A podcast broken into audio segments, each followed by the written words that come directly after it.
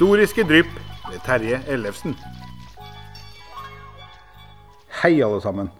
Denne gangen skal Terje fortelle om hva slags mat- og drikkevarer, samt krydderier og annet kjesk, som var tilgjengelig for befolkningen på Sørlandet på 1600-tallet. Det var ikke bare grøt og flatbrød, nei. Uten mat og drikke gjennom åra. Det er ikke mange tiår siden paprika var et nytt syn i norske dagligvarebutikker. Og det har vel aldri vært så lett som nå, som å få tak i mat og drikke fra alle verdensdeler. Men har det alltid vært sånn?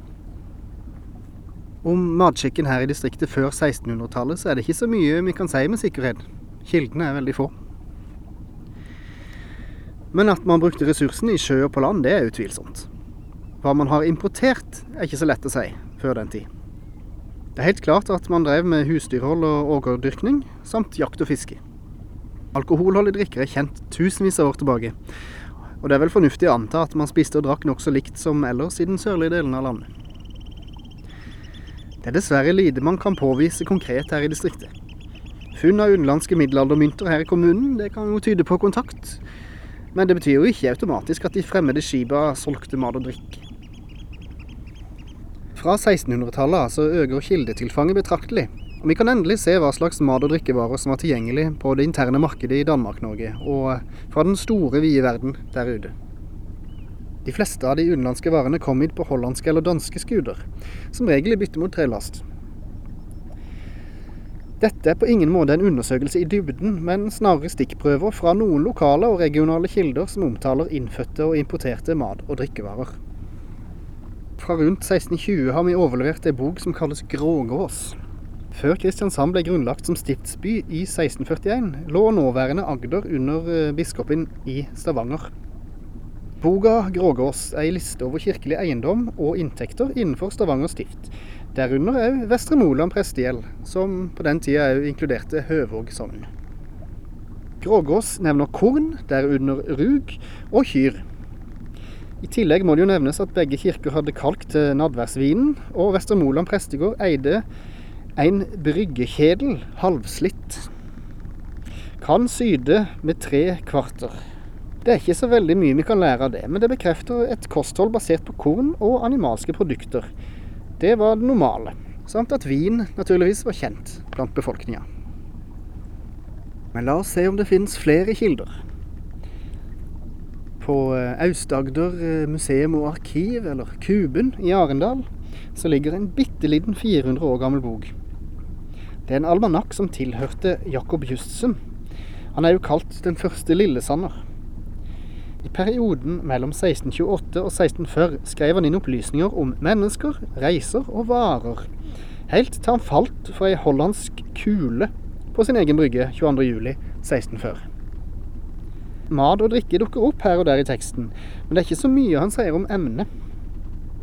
Av væsker nevner han øl, både norsk, fra Rostock og såkalt Braunschweiger Mumme. Han nevner vin, brennevin og vineddik. Av animalske produkter nevnes eh, studer og kyr, laks, fisk generelt og ost. De plantebaserte varene representeres ved korn, her representert ved hvedemel, malt, bygg og rug. Det er krydder, f.eks. ingefær, safran og anis, og frukt som epler, korinter og svisker. I tillegg kommer tobakk, som ikke akkurat er mat, men som fortjenes å nevnes i sammenhengen. Men heldigvis har vi faktisk enda flere kilder å ause fra. Men vi har faktisk enda flere kilder å ause fra. Fra 1686 eksisterer det transkriberte tollister for bl.a. Arendal og Kristiansand, med varer fra Norge, Danmark og utlandet. I denne sammenhengen så har jeg undersøkt listene for inngående matvarer fra Arendal, mens listene for Kristiansand det året ikke skiller mellom innadgående og utadgående. Tollistene bekrefter bildet fra almanakken for så vidt. Kildene er jo atskillig yngre enn Justsens nedtegnelser, og inneholder et mye større vareutvalg, naturlig nok. Fisk og fiskeprodukter utgjør en dominerende andel av de norske matvarene. Lista fra Arendal viser at man solgte berggylt, gråsei, villing, kabeljau, lange, makrell, mort, rav og rekling, rogn, sild, saltsild, torsk, tran og tørrfisk. Av kornprodukter nevnes bygg, havregryn, malt, mel, rug og rugmel. Av animalske produkter nevnes geit, røkt kjøtt, saltkjøtt, ost, smør og talg. I tillegg til disse nevnes salt, løk og nebbor og roer. Drikkevarer nevnes dog ikke. Men hvis vi tar en liten kikk på importen Nå var jo riktignok Danmark og Norge ett rike på den tida, men eh, nå ser vi på de danske varene. Fra Danmark kom det mest fisk, kornprodukter og fedevarer, samt noe faul og grønnsaker til Arendal. Av fisk nevnes abbor, flyndre, sei, saltsild, saltål og tørka ål. Det er et utvalg som skiller seg klart fra det norske. Kun sei og sild er felles. Av kornprodukter nevnes bokhvetegryn, bygg, byggmel, byggryn, gryn, havre, havregryn, hvete, malt, rug, rugmel og kornbrennevin. Kornimporten fra Danmark var livsviktig gjennom århundrene, og de gangene tilførselen stansa opp, så ble det krise i landsdelen. Av animalske produkter nevnes flesk, gås, høns, kalkun, saltkjøtt, tørka kjøtt, ost, smør og studer. Typisk danske produkter den dag i dag, kan man si. I tillegg kommer erter, humle og tobakk. Med unntak av kornbrennevin så nevnes ikke drikkevarene her heller. De brygger vel det de trengte hjemme, kan jeg tenke meg. Men de mer eksotiske varene kom langveisfra, og her er det mye vi kanskje forbinder mest med jul, faktisk. Men alt var jo ikke fra koloniene.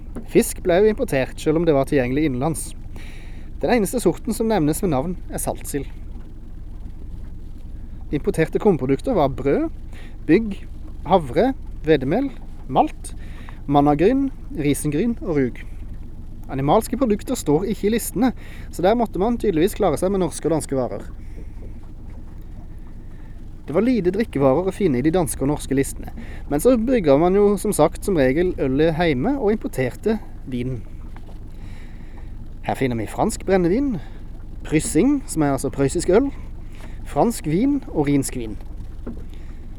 Krydderplanter eksisterte i Norden, men ikke av den eksotiske sorten akkurat. Tollistene viser at Shiba kom med anis, ingefær og pepper. Og pepperkaker, faktisk. I tillegg til varene som allerede er nevnt, så ble det importert en rekke frukt, grønnsaker og andre naturprodukter til vår landsdel på denne tida. Figen, gulrøtter, humle, korinter, løk, mandler, pomeranser, rosin, sitron, svisker, te, tobakk og valnøtter. Sukker er nevnt i oversikten uten at det står noe om opphavet. Sukker ble ikke produsert i Europa på den tida, så det er en importvare, uansett om det kom via København eller på utenlandske skuter. Som tidligere nevnt, er det ikke råd å se om varene som var innom Kristiansand tollsted i 1686 kom eller gikk. Men det er et lignende vareutvalg som Arendal. Mesteparten av varene må være innadgående varer. Og Siden det ikke er nødvendig å ta med de varene tollstedene hadde til felles, så er følgende mat- og drikkevarer de som skiller seg fra utvalget fra Arendals tollsted. Av fisk nevnes gjedder, kuller, saltlaks, spegelaks og svelling. Hummer og hvalfinner er andre havprodukter som var på markedet. I Kristiansand ble det tydeligvis importert flere animalske produkter, og for så vidt levende dyr, enn i Arendal. Lista viser at duer, egg, salt gåsekjøtt, kallund, som er innvoller, salt oksekjøtt, tørka kjøtt og levende svin var tilgjengelig. I tillegg til kornproduktene som òg kom i land i Arendal, så ble det importert ferdige varer til Kristiansand. Rugkavringer, kringler, skottekaker og tvebakker av hvete er nevnt. Tvebakker er jo det samme som beskøyter, altså kjeks som er bakt to ganger. Er jo kjent som skipskjeks. De varer veldig lenge, men de er jo harde som stein. Blant drikkevarene og de forskjellige væskene som importeres, så nevnes dansk brennevin, øleddik, mjød og dansk øl. Ellers så går det mye det samme som i Arendal. Plantefø annet enn korn, altså frukt, grønt, bær og lignende, er jo representert her. beter, bønner, einebær, epler, bålhoder og rødder. I tillegg kommer et lite utvalg andre varer som ikke nødvendigvis passer inn i de andre kategoriene. Spansk salt og sennep, og krydderet allehånde. Med å undersøke flere skriftlige kilder og gjenstander vil man utvilsomt kunne finne ut mye mer om hva man spiste og drakk, for ikke å glemme hva slags kjøkkenredskaper og huskeråd som var tilgjengelig på 1600-tallet. I Agders histories bind for perioden 1641 til 1723 framhever historiker Ingeborg Fløystad at dagligkosten i stor grad bestod av kornmat og konserverte kjøtt- og fiskevarer. I innlandet ble det ofte supplert med vilt. Langs kysten ble det ofte supplert med fisk. De kystnære områdene hadde mye bedre tilgang på importerte varer, og de tok mye raskere i bruk ny mat og drikke. På Agder var det mindre husdyrhold og jordbruk enn naturressursene skulle tilsi. Tømmereksporten gjorde at man i en viss grad heller kunne kjøpe mat og drikke enn å produsere det sjøl. Vel å merke hvis en hadde råd til det. Fra seinere århundrer så ser vi at de gangene det var uår og kornmangel, så tilla embetsmennene dette bøndenes fokus på skogbruk og tømmerhandel på bekostning av jordbruket. De kildene vi har sett nærmere på i denne artikkelen, viser en blanding av typisk nordiske varer, f.eks. fisk, europeiske varer, f.eks. vin, brennevin, og kolonivarer, f.eks. krydder, sukker og tobakk. Jo lengre varene reiste, dess sjeldnere var de, og dermed også dyrere. Men de var faktisk på markedet her på Sørlandet på 1600-tallet.